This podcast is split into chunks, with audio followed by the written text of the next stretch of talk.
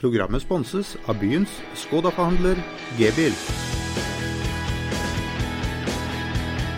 Velkommen, velkommen til en eh, ny utgave av Fotballradioen. I dag har vi ikke kaffedrikkende gjester, Jesper, men to stykker som ba om eh, kakao. Ja, vi må i tillegg holde det litt seint på dagen, for disse gutta har jo vært på skolen før i dag. Det er altså Kristoffer Ayer og Mathias Rasmussen som har kommet i studio. Velkommen så mye. Takk skal du ha. Nå har Kristoffer altså kritisert den ene gjesten etter den andre. For det har vært så dørgende kjedelig. Nå er han her, og nå skal vi se hva han har å levere. Dette gleder vi oss veldig til. Så har vi fått med Mathias også, som er da Kristoffers gode venn på skolen. Går jo ikke samme trinn, men eh, henger mye sammen. Eh, Mathias eh, må alltid hente mat til Kristoffer i kantina. Når de skal på skolen, så er det alltid Mathias som må løpe over banen. Jeg skjønner ikke det. Du er jo eldst. Ja, det er litt sånn, men eh, når han har sånn fysikk som han har, og alt skal ha behandling og sånn, så, så blir det sånn. Stor kropp. Jørgen Rastrup må kna på den litt før skolen, og da, da løper Rasmussen. vet du. Og når vi ikke, når ikke spiser lunsj på, på Sparebanken Sør Arena, så spiller vi som regel biljard. Eh, vi har fått mye kritikk av tidligere trenere for at vi faktisk spiller for mye biljard. Men altså, dette er vår måte å koble av på. Det er mye bedre å spille biljard enn å sitte og spille og kaste bort penger på oddsen. Derfor så har vi spilt biljard. Disse gutta hadde jo tidligere Operasjon Dagsverk, hvor de da skal tjene 400 kroner til å betale til et eh, fint formål. Eh, det de gjorde, var å ringe meg. Spurte om skal vi kunne spille biljard. Eh, De vet at over det lange løp så slår de meg så ofte i biljard. Vi har som regel eh, litt innsats. Eh, Så de betalte Operasjonens dagsverk på bakgrunn av å ha spilt biljard mot Jesper. Spilte vel en halvtime og 45 minutter, så var det, så var det dekka. Men Hva var den offisielle, offisielle beskjeden til skolen? Nei, Det var jo at vi skulle gå til en bedrift og tjene penger. Så ja, det var jo Jesper AS, det, så det var jo greit, det. Jeg tror ikke det er så nøye hvor pengene kommer fra. Ja. Bare de kommer. Bare de kommer. Men vi spilte også i går. Da slo jo Mathias var det 5-1. jeg slo det? Ja. Ja, og så 2-2 mellom Ahaya. Så vi spiller mye biljard. Vi har jo fått et biljardbord inn på dette rommet. Det ble nesten ødelagt av Even Bransdal etter kampen mot Jerv. Da sto han altså klokka fire og slo køen i taket over. Det var jo noen fryktelig tøffe scener inn på det rommet. Da? Jeg var ikke der. Jeg. Nei, begge hadde gått hjem. Jeg hadde også gått hjem. En av de første som gikk hjem, i, i, i likhet med disse to. Men eh, Even Bransdal holdt nesten på å ødelegge Han sto vel alene da, sist som var igjen. Da. Han sto alene. Han merka ikke at ikke det var flere folk i rommet.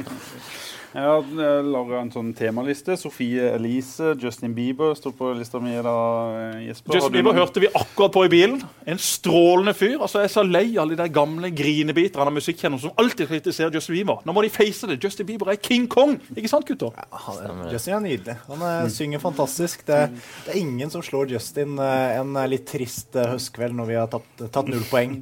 Ligge og høre på han i senga, det, det er det beste som fins, det, faktisk. Ja, Det blir litt andre tema enn vanlig. Ja, dag. Det Vi må snakke om uh, fotball, eh, selvfølgelig. De to her er jo uh, to uh, unge gutter som folk venter mye av. Kristoffer Ayer er vel den de fleste kjenner, kjenner best. Og så har du Mathias Rasmussen. Jesper, du må beskrive disse to guttene litt sånn fotballmessig for de som hører på. Mathias Rasmussen er venstrebeint. Han er en slepen tekniker. Han er utrolig fotballsmart. Han har et hode som passer bra på fotballbane. Han går utpå der og tror at han kan være bedre enn alle andre. Eh, det er viktig når du er ung. Det er altfor mange unge som er altfor forsiktige.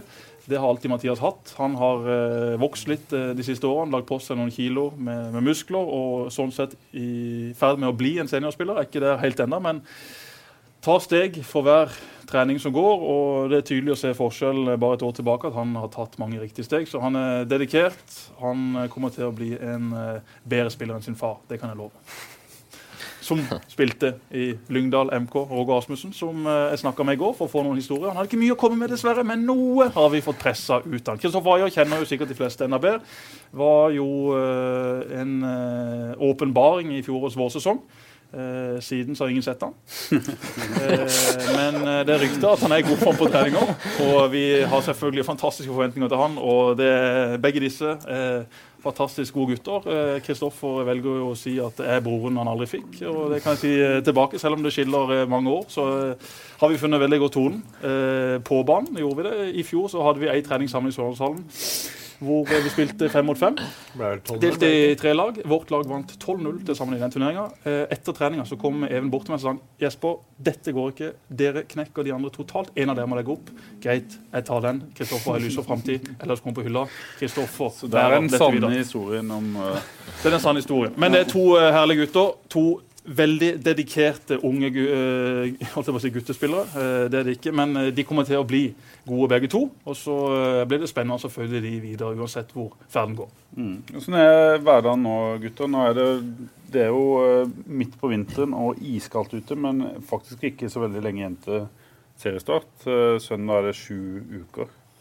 Hvordan... Bare, bare, før vi går videre. Altså, Vi kan godt si at det er kaldt ute, men dette er ingenting i forhold til hva vi var med på i fjor. I Villbjerg i Danmark. Vi hadde altså en treningsleir.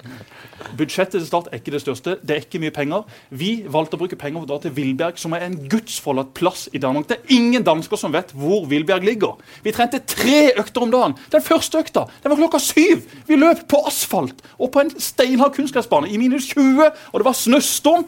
Jeg har aldri i mitt liv vært så nære på å bare si til gutta vet du hva, det her gidder jeg ikke. Jeg så på rommet Kristoffer. Han kan jo sjøl forklare ja, det, hvordan det var å våkne. Dette er en sterk underdrivelse. For første halvtime hver morgen det var helt sinnssykt hvordan Jesper Aare lirte av seg alt mulig. Så han ringte Bernt Hulske hver morgen og slakta opplegget vi var på. Og vi kom ned i uh, spisesalen og vi skulle løpe, og Mons satt der med varme boller, var det ikke det han satt med? Og... Mons satt i en sofa rett der vi løp ut. Vi løp ut i minus 20. Mons satt inne med Tollerus og de deiligste danske boller. Han og Odd Berg de satt der. Skulle liksom være med, men kjente selvfølgelig noe i akillesen sin akkurat den dagen. Så vi måtte ut og galoppere da klokka syv. Det er ikke rart at Jesper Mathisen aldri kom tilbake etter denne treningsleiren. Det var en elendig idé. Altfor kaldt. Men ja, det er kaldt nå også. Men Åssen er, er treningshverdagen nå, gutter?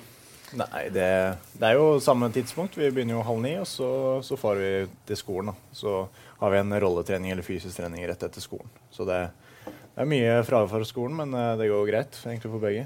Ja, det er jo ikke sånn eh, Temperaturmessig så går det jo fint i Sørlandshallen. Det er mest eh, underlaget som, er, som ikke er så bra. Men det blir noen en timer trening på dere hver dag? Mellom tre og fire sikkert? Ja, ja. vi ligger på en tre-fire timer om dagen. Så det, det er jo sånn det skal være i preseason, så det, det er greit, det. Hvordan merker dere det på de unge kroppene deres? Mathias? Jeg merker jo eh, noen dager så blir du litt tyngre i beina enn andre, men eh, du får jo som regel eh, overskuddet etter hvert. da. Men det tar litt tid ennå, eller? Nei, det, det, tar jo selvfølgelig kortere tid enn oss.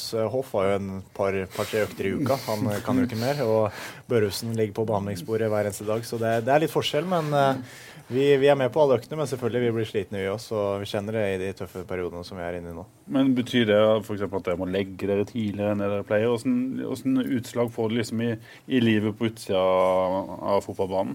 Nei, det blir jo eh, Det blir selvfølgelig å må tenke enda mer på neste dag som kommer, da, enn eh, hvis du bare har én trening eh, hver dag. Du må selvfølgelig legge opp dagen. Hvordan legger du den opp, da? Nei, Det blir også selvfølgelig tenke på kvelden før jeg legger meg hva jeg skal gjøre, og når jeg skal spise, hva jeg skal ha med meg og sånne ting. Hvor mye søvn trenger dere? Trenger dere mer søvn enn andre på deres alder? Jeg føler ikke, føler ikke jeg trenger så mye, da, men eh, det men du får det, Kristoffer? Ja, jeg, jeg, sover jo hele tida nesten, som jeg har mulighet til å gjøre. Så eh, jeg har jo legger meg ti, ti hver kveld, og så sover jeg opp i en kvart over syv-halv åtte. Så det blir jo mange timer søvn. Men ja. uh, jeg trenger det, så det, det er deilig. det. Du får noen ekstra, en ekstra time på kvelden, eh, Mathias? Jeg har jo jeg har masse fritid, da, så får ta en uh, powernap av og til. Ja. Det er ingen fra Lyngdal som legger seg klokka ti. Det er jo ikke det. Altså Helt seriøst, du kan ikke legge deg klokka ti. Det er da, det er da, det er da kvelden begynner. Det er, det er jo da man må på jobb. Ja, det er jo det. Men vi må høre med litt med disse før det kommer noen historier. Det kommer noen historier fra deg, det vet jeg. Vi må høre med disse hva de har ofra for å komme dit eh, de har. Mathias, du tok et valg når du var 16 eh, mm. Om å flytte alene fra Lyngdal til Kristiansand. Hvordan føltes det på kroppen? Hvordan var det å flytte alene den gangen? Nei, eh, selvfølgelig mye Mye var selvfølgelig helt nytt. Og jeg måtte selvfølgelig legge om på ting helt fullstendig. da. Hvorfor måtte, gjorde du det? Nei, fordi jeg følte at det kan være godt å komme vekk fra det miljøet du har vært i, og kanskje ikke bare være så mye under eh, pappa og sånn, og komme litt vekk. Altså. Var du trist? Har du hjemlengsel? Var det Nei, jeg, tøft den første perioden, eller gikk ting eh, smooth og, og greit? jeg tror det gikk veldig bra med meg i forhold til det. Det kan gå med forskjellige folk, men eh, sånn med hjemlengsel og sånn, det, det er ikke så veldig med det. Og det gikk, det gikk egentlig veldig fint fra starten av. Jeg bare sleit litt med, med å få nok energi i begynnelsen, men eh, det kom etter hvert.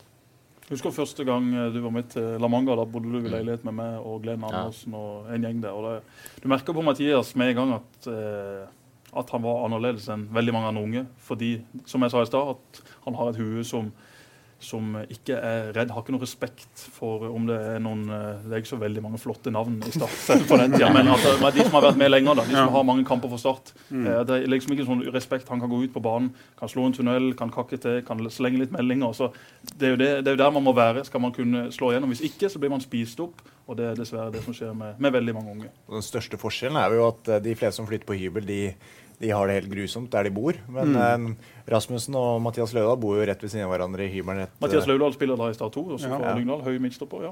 Fra Mandal, Fra da? Mandal. fra Mandal. Ja, samme det. Det er jo der borte. Og når du kommer inn til Løvdahl, så, så du ser ikke gulvet, og det lukter helt forferdelig der inne. Og så kommer du inn til Rasmussen. Der, hvis jeg kommer inn, så tenner han litt stearinlys. Det er lavendel inn på badet. Det er, det er helt sinnssykt. Så det er... Det er ryddig. ja, det er ryddig. Og så er du god til å lage mat, går det rykte om. Favorittprogrammet er Jeg liker forskjellige ting. Big Bang Theory, eksempel. Ja, men det var noe matprogram også jeg ble tipsa om før. Ja, jeg, ser på det meste. Gordon Ramsay og sånne ting. Det er bare en sunn, uh, sunn Ja, det er sunn. jeg bare lurer på når jeg skal bli invitert på, på middag. Ja, så Ja, inviterer sin nærmeste. Jeg har vært Har, du- har du lagd noe Har du lagd eh, Har dere hatt taco i det siste? Ja, veldig mye. Ja. Det ble, ble det en disputt der sist gang? Mellom meg og Karoline? Ja. Ja. det stemmer det. Jeg, jeg ble vi så forklare, må forklare hvem Karoline er, da. For Ja, vi ta bringer et nytt navn inn i Ja, Karoline er jo da Gimle KKG videregåendes flotteste dame. Uh, uten tvil, ifølge Kristoffer Ayer. Og det er også Kristoffer Ayers eh, kjæreste. Hun er da et stort håndballtalent. Kommer til å bli en god håndballspiller for Vipers, for Wiborg, for uh, uh ja, Gyør, og også for Norge i, i årene som kommer. Ei eh, flott jente på alle mulige måter. Eh, Det er da Kristoffers store kjærlighet, som vi vil høre mer av. Mer utover denne podkasten. Men først ta den historien når vi er inne på dette med mat. For det var en krangel her om dagen når dere hadde taco. Ja, det, hun har jo hun varme, skulle varme lefsene, og så tok hun bare og kasta de inn i ovnen. Og med inni innpakninga, og da ble jeg fly forbanna. For den plastikken smelter jo inn i lefsene. Og du ville jo ta livet av meg, så da kasta jeg lefsene og nekta å spise taco den kvelden. Alle som har taco, varmer Nei, jo nei, nei. lefsene i Du plastikk. tar- Du tar og skjærer et hull. Dette, var- dette vet faktisk jeg Nei, også. nei, nei. nei, nei. Pål Jørgensen, hvordan lager du taco? Jeg pakker det inn i sølvfolie. Ja, Ja, helt du- riktig. der, ja. okay. Helt riktig. der, ja. Ja, Men det er jo ikke farlig å varme den i plastikk. Selvfølgelig er det hvis du putter den inn i ovnen uten å åpne Ja, I ovnen eller mikroen? Ovnen? Hvis du putter den inn i ovnen uten å åpne noen ting, så over 300 smelter den. Hæ? Ja, det var i hvert fall 300-400, kanskje. Men du bruker mikrobølgeovn, du?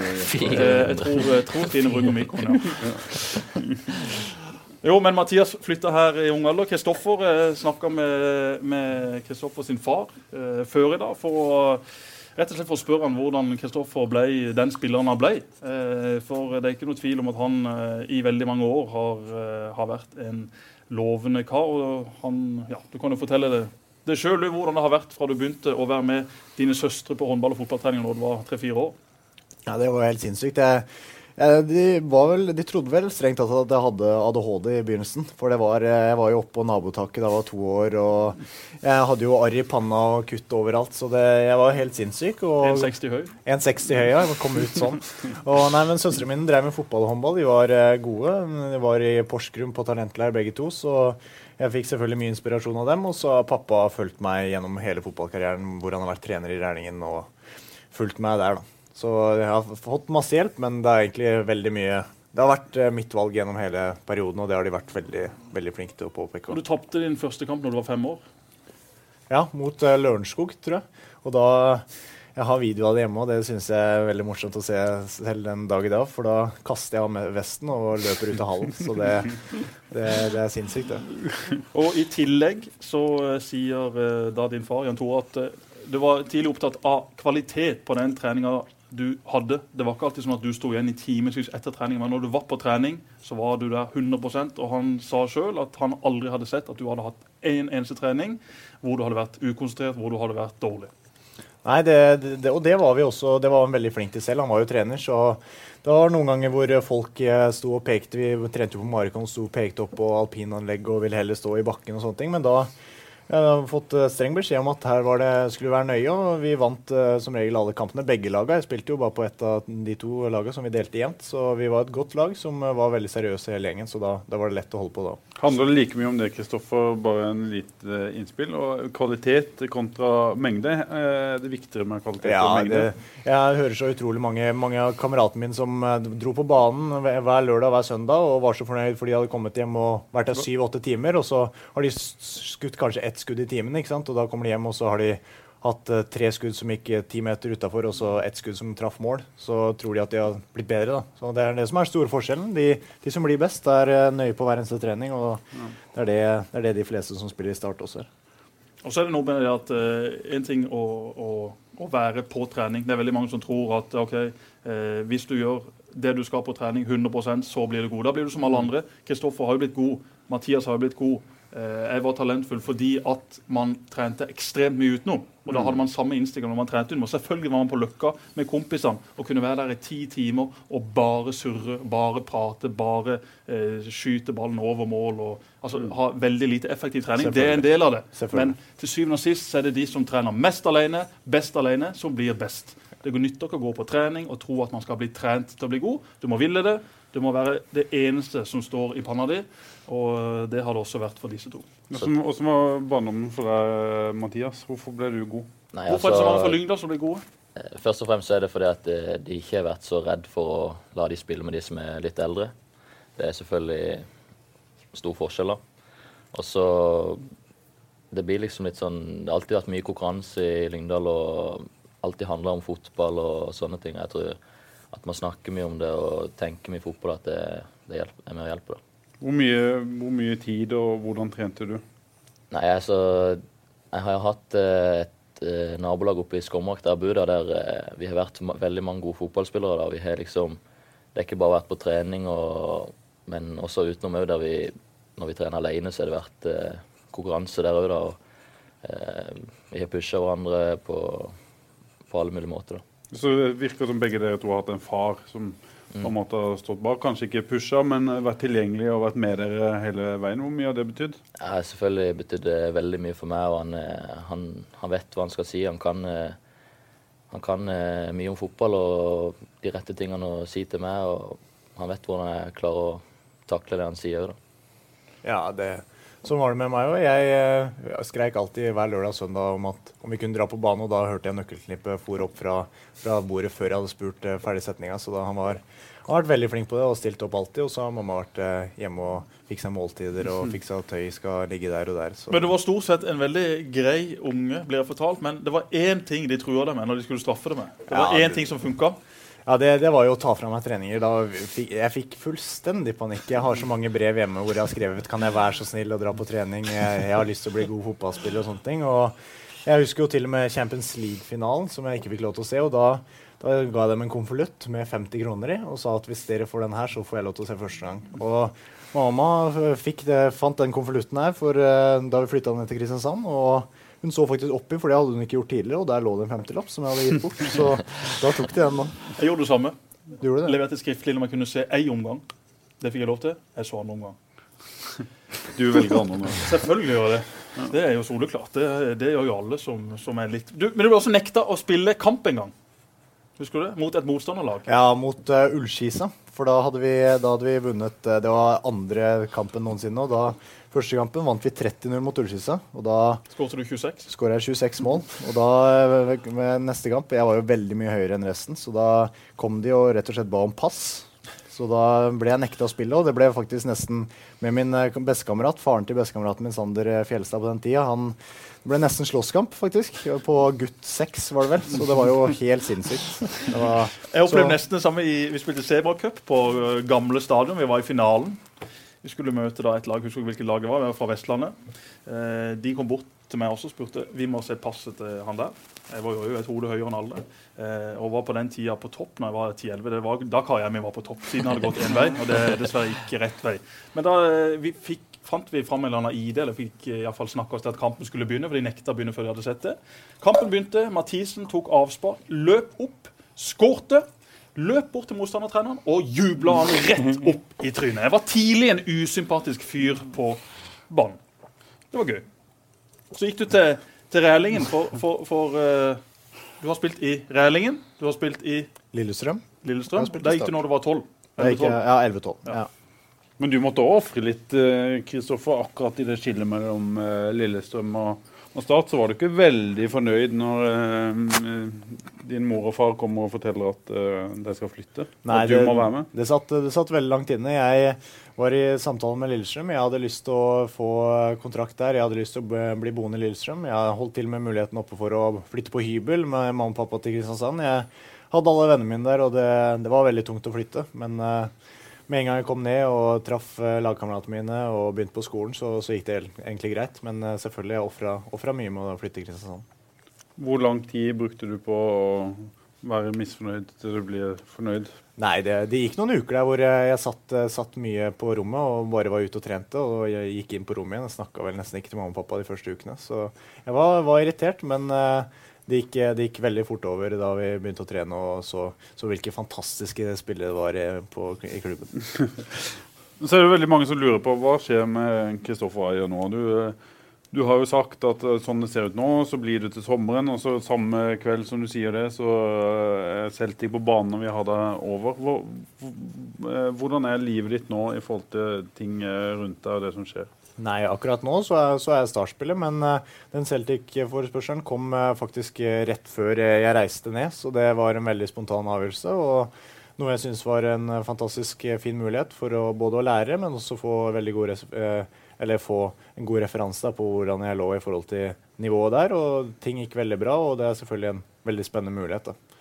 Er det sånn at Den ene dagen så kan du tenke at å, det har vært gøy å gå ut, og den neste dagen så tenker du det er fint å være hjemme med familie, kjæreste og sånne ting. Går sånne, er det sånne vurderinger du må gjøre Ja, hele tida? Ja, i eh, vinter så har det gjort veldig mange sånne vurderinger, og jeg gjør fortsatt sånne vurderinger. Det, det er eh, noen dager hvor det er utrolig trygt og godt å være hjemme, og så er det noen dager hvor jeg irriterer meg fordi jeg står alene og trener, eller eh, jeg ser hvordan det er på TV og ser Oi, tenkte jeg hvor kult det hadde vært å spille der. Så det er selvfølgelig man har drømmer, man har eh, lyst til å dra ut til utlandet, og så er det selvfølgelig spørsmål om når som er rett. da. Hva betyr penger? Penger betyr eh, akkurat nå absolutt ingenting. Det har jeg gjort klart og tydelig til Tore Pedersen, agenten min også, og sagt til mamma og pappa. og Det betyr ingenting for min neste valg. Det er eh, utvikling. Så det er det eneste som betyr noe nå. Men noe penger må du ha. For du har sagt, eller du har skrevet kontrakt med din søster om at du skal kjøpe noe til henne hvis den dagen du blir proff. Søstrene mine ja, de har jeg garantert uh, en bil hver, faktisk. Og eh, jeg, husker, jeg husker jeg sa dette her eh, Dette sa jeg faktisk eh, for fem-seks år siden til mamma og pappa. At eh, mamma skulle få 195 000 i månedslønn, og pappa skulle få fem. For eh, mamma shoppa så mye, og pappa brukte ikke penger. Så det var, eh, det var sånn det var på den tida, og det, vel, eh, det stemmer vel nå. Hvor mye må du tjene da, Kristoffer, for å gi søsteren din en bil? Nei, eller nei, kjøper du en bil hver for 5000 kroner? Eller? Definisjonen bil er jo så mangt, så de skal ikke ha for store forhåpninger. Så jeg kan i hvert fall ikke kjøpe en god bil nå som jeg er i start. Det, det, det kan jeg si, så det, det kommer ikke nå. Men Mathias, du har også vært eh, Jeg sto og snakka med en agent nede på eh, La Manga for et par år siden. Da første gang Mathias var med eh, eh, La Manga. Jeg tror ikke han visste at jeg var journalist. Han sa han eh, representerte Borussia Mönchengladbach, som også har vært interessert i Kristoffer, som er mye på La Manga og ser norske spillere. Og jeg spurte han hvilke spillere her er det du finner interessant. Mathias Rasmussen. Det Er ikke så rart? Eh, fordi at det var vel du 16, noe sånt? Ja, Var det første år, eller? Ja, sikkert jeg- første året 16, år, men men uh, grunnen til at jeg var interessert, var jo fordi at da så Mathias ut som han var 10. Han så jo ut som han var en unge på den banen. Altså De to siste årene så har han vokst, og sånn, men han så jo ut som den drittungen på den banen. Så ut som han var på totalt feil sted. Helt til han, han fikk- helt fikk fikk ballen. ballen. Ja. Helt til han fikk ballen. Så jeg skjønner godt at Mathias eh, har hatt, og garantert har, interesse rundt seg. Det. Men Hva tenker du om de tinga der? Du er jo ikke der Kristoffer er og har masse interesse på det, men litt er det, er det sikkert. Jeg har f.eks. hørt rykter, jeg tror det, de stemmer òg, at det er klubber i USA annet, som har, eh, som har I'm Sandra, and I'm just the professional your small business was looking for. But you didn't hire me because you didn't use LinkedIn jobs. LinkedIn has professionals you can't find anywhere else, including those who aren't actively looking for a new job but might be open to the perfect role, like me. In a given month, over 70% of LinkedIn users don't visit other leading job sites. So if you're not looking on LinkedIn, you'll miss out on great candidates like Sandra. Start hiring professionals like a professional. Post your free job on linkedin.com/people today. Har sett deg og vet godt hvem eh, du er. Ja, det er jo selvfølgelig ting som jeg jobber med, da, men eh, selvfølgelig så er det Så vil jeg jo gjøre det bra i start først og slå gjennom i Tippeligaen, så jeg heller liksom kan få flere tilbud og kanskje ja, kan få litt alternativ, da. Er det fort gjort for de her å bli litt utålmodige, Jesper? Nei, ikke, ikke disse to. De er så voksne og Men hvis de ikke får spille, hvis Mathias blir sittende på benken i ti kamper i Eliteserien, hva, Jo, men man skal være utålmodig. Ja. Men eh, som Mathias sier, det viktigste for han er å slå gjennom i Tippeligaen, slå gjennom i Start. Kristoffer slo gjennom i fjor. Han har tatt det steget, han har tatt det nivået. Da kan det være fornuftig å prøve seg på et annet nivå. Det vil ikke være noen krise om Kristoffer spiller Tippeligaen i, i 2016 heller, men du må ta det steg for steg, og så skal man være utålmodig. Hvis ikke man er utålmodig, så blir man ikke god. Men det er forskjell på å være hva skal jeg si, utålmodig og bare gå rundt og være sinna, sur og frustrert. Og så, og så, jeg var jo litt der da jeg var 17, at jeg mente at jeg skulle spille. Eh, men jeg, selvfølgelig skulle jeg ikke spille når, når laget tok sølv. og Det var bare et maskineri som dura på. Jeg var, ikke, jeg var ikke god nok da. Og angrer jo selvfølgelig på at ikke man var mer tålmodig og hadde et annet tankesett. Men det virker som at eh, disse to er, er mer reflekterte enn enn jeg var på den tida. Hva tenker du når du ikke får spille, Mathias? Når du føler på en måte at du er nærme, gjør det bra på trening, men så får du ikke spille? Eh, sånn som det har vært nå, de to årene jeg har vært der, så, så har ikke jeg hatt noe problem med å sitte på benken. Og i fjor når jeg satt på benken, så, så var jeg så å si helt enig i det. Jeg hadde jo f.eks. knukket skuldra og følte ikke jeg kom ordentlig helt tilbake på det nivået jeg var i vinter. da. Så hvis jeg sier jeg ikke hadde knekt skuldra etter den gode oppkjøringa i vinter og sånn, så og ikke hadde fått spilt noen ting eh, da i begynnelsen, så kanskje jeg hadde vært litt uh, utålmodig og sånn, men til nå så har jeg ikke følt noe at eh, det er ufortjent at jeg sitter på benken. Nei. Programmet blir sponset av byens Skoda-forhandler G-bil.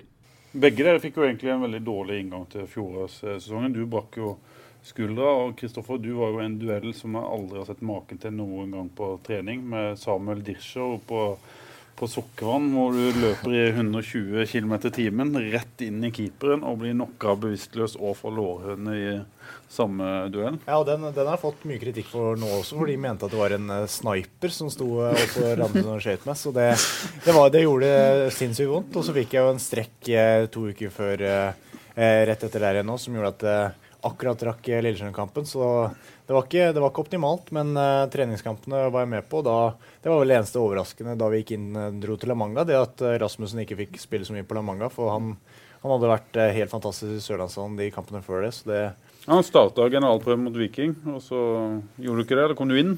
Nei, jeg starta mot Viking, ja. Og så tok det lang tid før du fikk eh, spille. Men Fordelen med å være ung i Start, eh, sånn som i år, er jo at veien er jo kanskje kortere enn noen gang. Det er en eh, liten spillerstall, det er en sårbar økonomi, og da er Start dønn avhengig av at flere av de unge slår til, tar nye steg. Og det er jo egentlig til syvende og sist opp til de sjøl. Så la oss folde hendene og be om at det, skal, det skal gå bra. Men er han mannen, Mathias Rasmussen, som eh, fort kan bli Hvis vi sier at Ayer har hatt gjennombruddet, at Mathias er nestemann? Ja, absolutt.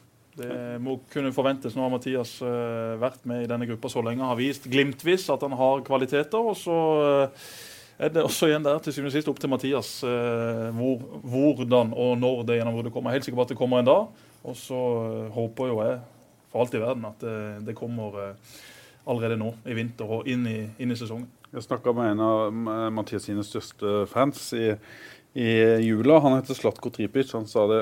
Eh, Mathias kommer til å slå gjennom i år, men han må ha én ting.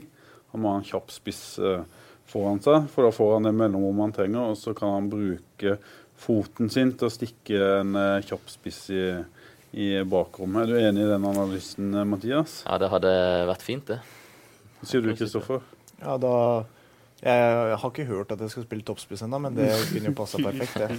Så det Du er den raske bakromsspissen. Absolutt. absolutt. Nei, men selvfølgelig, hvis du har en skikkelig bakromstrussel og en som kan komme i mellomrommet, så, så er det jo helt forferdelig for eh, stopperne å forholde seg til det. Men så, Og det er din drømmerolle? Det er ikke noe ja, å ja, legge skjul men på? det. eh, så må jo jeg òg kunne gå i bakrommet. da. Det er ikke bare sånn at jeg skal være i mellomrommet sånn hele tida, men, eh, men ja, det hadde vært bra, det.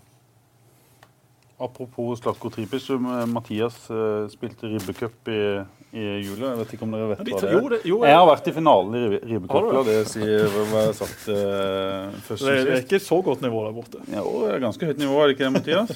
Nei, det var ganske bra nivå når vi var der nå. Men jeg ser altså, Men, jeg, men jeg må bare si det de taper alltid for de eldre. Ja, ja. Hvert år. Men de, de vant vant jo, vant jo Ja, men Det har en kamp mot Espen Hægeland og de. En Ja, årlig kamp. eh, Espen Hægeland som har spilt i Det er ikke Lyngdal. Dette er på eh, Hisøya eh, ja. Arendal, og turneringens turneringas beste spiller, Mathias Rasmussen. Vant, vant du ribbe? Jeg gjorde det. Er Jeg, fikk, eh, jeg vant òg ribbe i jula, men det var fordi at vi reklamerte for Slakter Frivold i vår eh, julekalender på ikforstått.no. Derfor fikk vi og Roy Manuelsen masse ribbe og pinnekjøtt. Men det taper alltid for Ja, gamle men, gutter i eh, Lyngdal i jula. Det er korrekt. Hør. I fjor så var jeg på det laget, og da knuste vi alt og alle som var der. Okay. Og i år så tapte vi på straffekonk. Det var, vi spilte en dårlig kamp, og det endte opp i straffekonk. Og ja, da Så da tapte i år? Ja, vi tapte. Ja. De tapte.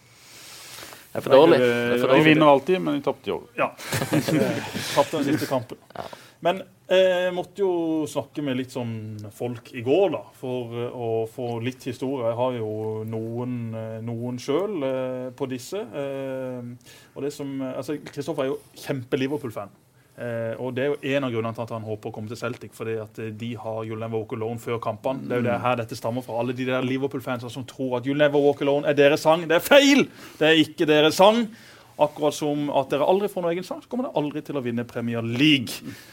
United i elendig form med en utrolig kjedelig trener uten noe som helst karisma. Klarte iallfall å slå Liverpool i helga, selvfølgelig. Wayne Rooney back on track. Men snakka med de søster i går. Karianne, som eh, er veldig hyggelig Nå rister nå må jeg bare si, nå rister Kristoffer Ayer på hodet og lukker øynene og er livredd for hva som eh, kommer. Altså jeg spurte, sendte en melding på Facebook, da, og det første hun skriver, er han kommer til å drepe meg, men la gå.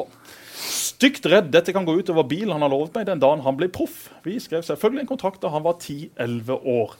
En del av disse historiene eh, har jeg tatt med Roy Manuelsen, vår mediesjef i Start, og han har bare eh, satt en tusj over dem. Eh, Noen av dem må forbigå i stillhet, men vi kan ta noen som jeg syns faktisk er ganske morsomme. Så jeg er godkjent av medieavdelinga. Det er godkjent Det var derfor Karianne ringte meg rett før podkasten og skulle liksom godsnakke litt. da. Oh, ja, ikke ja. sant? Ja, for hun gjorde det nå. Ja, Ja. der har du, der har du grunn. Karoline ringte Oda òg, rett før podkasten, for å godsnakke litt. Nei. Nei, det, det burde hun ha gjort. Men eh, når Kristoffer var eh, liten, helt til han var 12-13 år, så var han ei lita pingle, forteller Karianne. Han forsikra seg om at på hver trening så var enten Jan Tore, altså pappa, eller mamma, de måtte være til stede, og han syntes ikke det var gøy å overnatte hos kompiser. Han eh, hadde da mareritt en natt og ville inn og overnatte hos eh, sine foreldre, men han ble kasta ut. Da var han eh, åtte-ni år. Da sa han furtent at det er urettferdig at dere som er så gamle, sover sammen, og jeg som er så liten og er ei stor pingle, må sove alene. Eh, I tillegg er han veldig følsom. Eh, det har kanskje folk fått med seg, for han Ja, det, ut den historien du fortalte der, vitner jo om en uh, følsom eh, gutt. ja, og eh, også I tillegg så er det kanskje noen som følger Kristoffer på Instagram eller venner på Facebook. Og det er jo ikke måte på hvor mange hjerter han skal sende til hun der Karoline. Vi vet at dere er sammen. Dere bor, dere bor nesten sammen. Dere snakker sammen hver dag. Jeg kan aldri fatte hvorfor folk må sende hjerter og kjærlighetserklæringer til hverandre i det offentlige rom. Ja, Dette er jo en ting mellom dere to.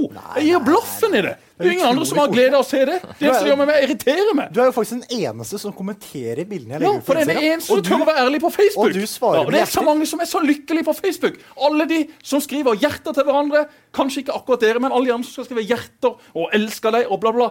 De bor sammen, de sitter og spiser middag sammen, de våkner sammen. Si det til hverandre der! Ja, jeg- ikke jeg prøv snakka- å fremstå som lykkelig. Det er så mange som skriver hjertet til hverandre, og så er de skilt dagen etter for den ene eller andre har gjort noe galt. Jeg snakka nettopp med Trine Måland faktisk, rett før eh, jeg kom hit. Hun har eh, snart uh, termin, jeg vet ikke om du vet det, du skal bli pappa. Og hun, har sa, hun sa her en kveld at uh, dere skulle legge dere. Og så var du Du bare satt mobilen, for du sa jo som du sa i stad, at uh, kvelden din begynner jo i 10-11-tida. Og så gikk hun og la seg på gjesterommet. Hun er eh, gravid, hun trenger søvn. Og så plasserte hun støvsugeren på døra. den- da, tenker jeg, da tenker jeg at det er bedre å være andre veien og være veldig romantisk og sende et par hjerter for mye enn å skape andre veien, for da er det jo snart skilsmisse. ikke sant? Den historien har vi tatt før. Den- den lenge. vi vi har fått, vi har fått uh, kvinnegruppa Otta på oss én gang. uh, men den får kanskje du også på det. Ja, For muligens. du mener at Karoline er i offside hvis hun ikke er på kjøkkenet på morgenen. Helt riktig. For om morgenen så er jeg faktisk ja, Om morgenen så er jeg sinnssykt morgengretten. Første halvtimen Jeg har sagt det til henne gang på gang. Da er det ikke nødvendig å prate til meg, for da går det ikke. Så, det, hvem sin skyld er det hvis ikke du finner tøyet ditt? og det er jo henne. Og jeg er rotete.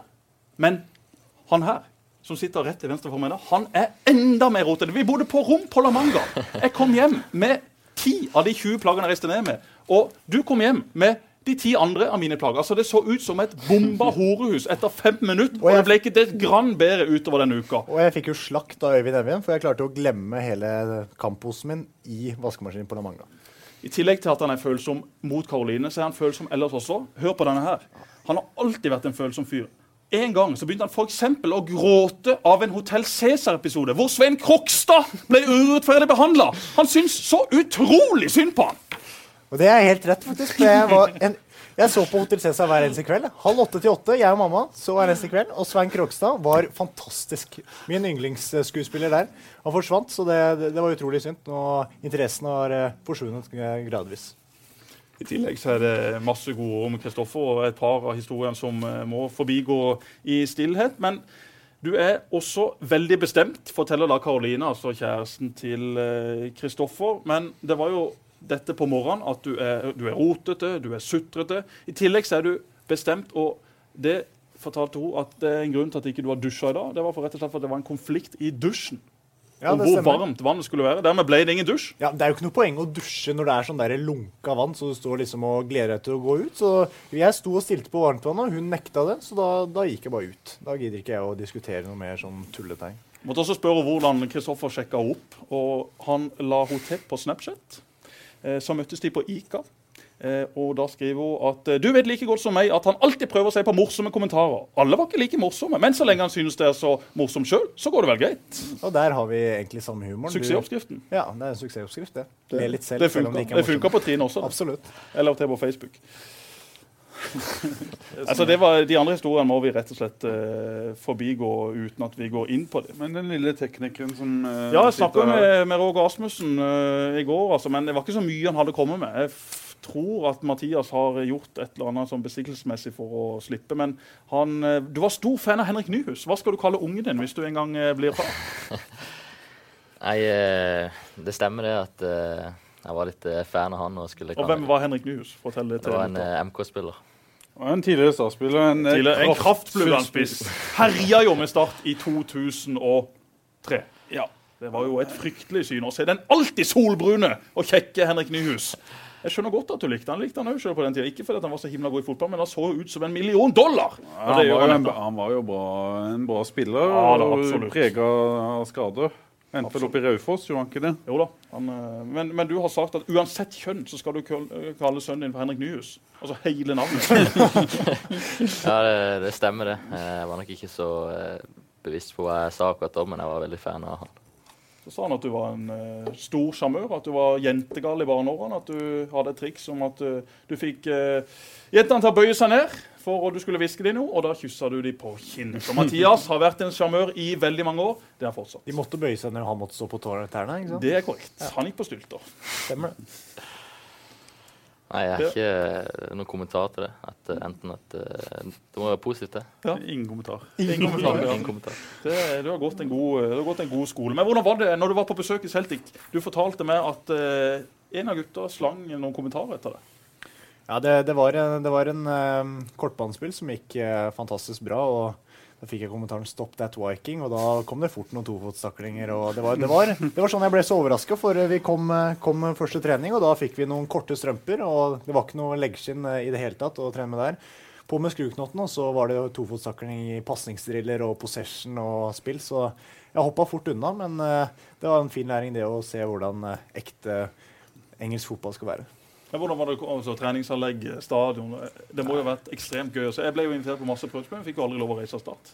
Så det er, godt, eh, det er godt de får lov til det nå. Men det må jo ha vært inspirerende. Ja, det, det var helt fantastisk. Det er jo en fantastisk eh, klubb med vanvittige fasiliteter. En eh, veldig fin stadion og veldig fint treningsanlegg som ligger et godt stykke utenfor, eh, utenfor eh, byen, Glasgow. Fordi i Glasgow så, det, så er det én ting som betyr noe, det, det er Celtic. Og resepsjonisten lot meg ikke bære bagen fordi han ville ikke at jeg skulle bli skada når jeg var på prøvespill. Og taxisjåføren trengte ikke betaling. Og hørte jeg ta en historie om eh, en spiller her som ikke hadde hatt førerkort på tre år. og Så ble han stoppa etter to år. og så ga han bare et sesongkort ut av ruta, og så var det greit. Så kjørte han videre. Så det er sånn det er der. Så. Stefan Johansen eh, henta det, kjørte det til trening? Stefan, uh, Stefan henta meg en svær, svær Mercedes. Så oi, det, oi, oi. det, var klasse, det, altså. Hvordan var nivået, Kristoffer? Du har sagt det var litt høyere intensitet enn på starttrening, men ikke så veldig mye. Ja. Betyr det at, uh, at det var overkommelig nivå? Sett, sett under ett så var det, det var absolutt muligheter for å bidra på trening. Jeg gjorde det veldig bra der. og men selvfølgelig, eh, tar du enkeltspillere, så er, de, så er de langt bedre enn eh, noen spillere i Tippeligaen. Det, det, er helt klart, det. Og, Hvem imponerte deg mest på det City-laget? Stefan var jo veldig bra. Og så han eh, Nir Bithon, som spiller ja. sentralen fra Israel. Han var fantastisk god. Så det, det var Ligner litt på deg som type, kanskje? Ja, bare at han er bedre enn meg på alt. Så det, ja. det var Men um, spilletype så, så ligner vi litt. Så det var veldig fascinerende å studere han litt. Yes. Eh, hva nå med disse to, eh, Jesper? Hva, ta spå litt eh, sesongen. La oss spå at Kristoffer uh, uh, Ayer, uh, uansett hva som skjer, om han blir solgt eller ikke, iallfall uh, spiller første halvdel i start. da tror jeg og håper at vi får se den Kristoffer Ayer vi så i første del av sesongen i fjor. da var det ekstremt mye som skjedde for en så ung gutt. Selv om han er voksen i huet og alt det der, så er det klart at jeg tror nok du også ble litt sliten av et utrolig tett kampprogram. Du spilte sikkert nærmere 40 kamper i fjor. Din første sesong på seniornivå. Mm. Det var media, det var supportere, det var hjerter på Instagram, ikke bare for Karoline. Mm. Det blir veldig mye oppstyr. Det er mm. helt naturlig at man blir sliten av det kjøret første gang man er gjennom det. Og så har du uh, Mathias som kommer til å være her uansett. Uh, og uh, som jeg tror blir en viktig bidragsyter for Start i, i, 2016. Både som offensiv midtbane, han har også et alternativ på, på kant. Steinar liker godt å han spiller med kanter som kan også gå inn i banen og kombinere med bekkene. og Mathias er en god relasjonsspiller. så jeg har store forventninger til, til, de begge i år. og Jeg håper jo at uh, vi får se, og for de som hører dette i helga, at vi fikk se mot uh, Vindbjart uh, at, mm. at de er i rute. Mm. Det, for det, dette er jo da spilt inn et par dager før Start møter Vindbjart. Hva får vi se med, av nye Start, gutter? Nei, jeg tror det kommer til å bli en veldig bra kamp. Vi har hatt uh, noen veldig gode treninger, og Steinar har lagt lista skyhøyt. og må vi prøve å... Hva betyr det å legge lista skyhøyt? Nei, Han har uh, fra, fra, dag én uh, krevd utrolig mye intensivt press, f.eks. i det defensive. Vi har fått en helt annen tilnærming til hvordan vi skal vinne ball. Så det, det, er jo kanskje noe vi trenger. Vi har jo ballen som regel mindre enn motstanderlaget, så mm. det er jo noe vi skal prøve å rette på. Og så, så har vi selvfølgelig noe å revansjere fra sist cupkamp mot Vindbjart, som var det verste jeg noensinne har vært med på. Så det, det er noe vi må revansjere på fredag. Jeg pleier å si da at jeg ikke har tapt for Innbjart ennå, siden jeg spilte en treningskamp der det var 2-2 til pause, og da gikk jeg ut. og ja, Da hadde ikke jeg tapt. Og du var ikke med i den uh, fadesen der på i mai i Nei. Rasmussen ser på det kun Han er kun Når han ikke spiller, så er, spilleren ikke på start. Om vi taper, så er det ikke han som taper. Men, men Mathias, Mathias, spilte ikke så mye i høstsesongen, men han tok like mange poeng som Kristoffer. Ja, Dere har regnet på det? Ja, like mange mål hadde vi. Like mange mål, ja. Men også, så, et eksempel på Steinar at han er veldig profesjonell og veldig bestemt i, i, måten å ha det på. Ikke bare på banen, men eh, det første han gjorde når han kom inn i garderoben, var å rive ned alt som sto der fra før, med tanke på ting som hang på veggene, og noen eh, verdier vi hadde under måneden som vi hadde jobba fram med han tatt det ned, syntes det var rotete i garderoben. Eh, vært klar på at her skal det være orden. Han har malt opp, ikke han, men noen har malt opp hele garderoben. og liksom han vil ha det 100% på banen, men også utenfor. Han vet, Jeg spilte selv med Steinar og vet hvor ekstremt dedikert han var. Han var det første som kom ut i Sørlandshallen. Alltid når jeg spilte med Steinar, så husker jeg kom ut i en så kom jeg alltid litt seint og ville heppe litt med ballen og prate litt. den der tyske Steinar Pedersen, det første han gjorde, var å begynne å løpe fram og tilbake på banen. Med en gang. Ikke sant? Eksempel til etter, så måtte vi følge etter. Vi var jo nødt til det, hvis ikke så så jo vi himla dumme ut. Så altså unge spillere som kom opp når Steinar var spiller, sagt at det var ingen som var verre å møte på trening. Den som satte seg i respekt og viste hvordan det skulle være, det var Steinar. Ja, det er jeg ikke akkurat enig i. Jeg syns jo Steinar var en av de letteste å møte på trening. Jeg spilte jo spiss på denne tida, og kan vel aldri si at jeg hadde noe særlig problemer med han. Eh, annet enn på løpetester. Da var han i verdensklasse. Men sånn i fire mot fire og fem mot fem, så eh, så vippa vel Steinar rundt som jeg gjorde med alle andre på den tida. Men da, da var jeg god. Jeg er ikke god lenger nå. Men eh, jo, som spiller på 11 mot 11, selvfølgelig. Det var litt fleipe, det. Altså, jeg spilte jo midtstopper med Steinar Pedersen i den siste kampen hans borte mot Notodden. Med Johan Golden, nei, Henrik Elvestad som oppmann. Henrik Elvestad vanna skoene hans. Henrik Elvestad vanna skoene til Steinar Pedersen før kamp. Eh, Vi tapte. Vi gjorde det. Vi var elendige. Aram Khalili skårte jo på et eh, treff som ikke vi har sett siden han skårte. Det var brassespark mot Sandnes Ulf i Myggen sitt comeback. Så Steinar Kalili spilte på Notodden i den kampen. Det gjorde han. Steinar er, som vi har merka, hel ved. Det var han som spiller, eh, og det er han også som trener. Og dette er jo viktige kamper med tanke på eh, sesongkortsalg, skape entusiasme. Det er viktig for gutta. Eh, Det fightes om plasser på laget. Jeg husker sjøl at de kampene man spiller sånn i, i januar, februar i Sørlandshallen, er fantastisk gøy å spille. Det er intimt, det er bra med folk i en så liten hall. og så er det liksom, Man trenger hele tida bekreftelse på at man er på rett vei. Nå har man ikke spilt fotball på veldig, veldig lenge. Og det å komme ut der og spille på seg selvtillit, det gleder dere dere til også. vet jeg. Det kommer til å sitte i kroppen klokka, klokka fem på, på fredag. Stemmer det. På en fryktelig dårlig bane. Ja, for den, eh, den har du klagd på tidligere, Kristoffer. Du syns Sørlandshallen er hard. og Ja, jeg, jeg syns det, det er en skandale at de ikke har endra på det, det, det kunstgresset, eller det ballbinganlegget de har der. Det, det er alle klubbene på Sørlandet til trenerlesen her hver, hver uke, så det, det at de ikke har endra på det i kommunen, det, det, det er latterlig. Hvordan føler, hvordan merker dere det? Jeg vet ikke om du har samme forhold til Sørlandshallen som- som Kristoffer Mathias, men uh... Nei, du merker jo uh, på pasningsteknikk eh, du bruker og føring av ballen at ballen lugger litt, og du må liksom på en måte gjøre om litt på det. og Det er ikke alltid det er så lett å få den framdriften på den Det er en helt annen fotballteknikk. vet du. Det er jo, spiller jo nesten innefotball når man er i Sørlandshallen, så det blir noe helt annet. Men det er ikke mange kamper Start har tapt i Sørlandshallen hvis man ser de siste ti årene. Hvis man da der, tar, Og nå kom forklaringa på det, ja. Ja, altså, fordi at det å spille fotball i Sørlandshallen Er du vant til å spille fotball i Sørlandshallen? Du ser folk som kommer inn der, de slår feilpasninger, det går litt for seint for dem. Det er et veldig sånn merkelig underlag å spille på. Det gjelder ikke bare i Sørlandshallen, det er også i andre haller. Men, men det er alltid gode i Ja, Sørlandshallen. ja, alltid fantastiske i Så jeg, jeg husker de ja, ti siste årene. Det er ikke mange kamper vi har tapt hvor vi har stilt med vårt beste lag. Normalt sett så har vi feid. Aalborg, ja, Midtjylland, Hekken, Ikke noe problem. Vi, Nei. har jo vunnet Sørlandslaget. ja, Sørlandslaget. Når vi stiller med toppalag, så har vi feid i øverbanen. Selvfølgelig.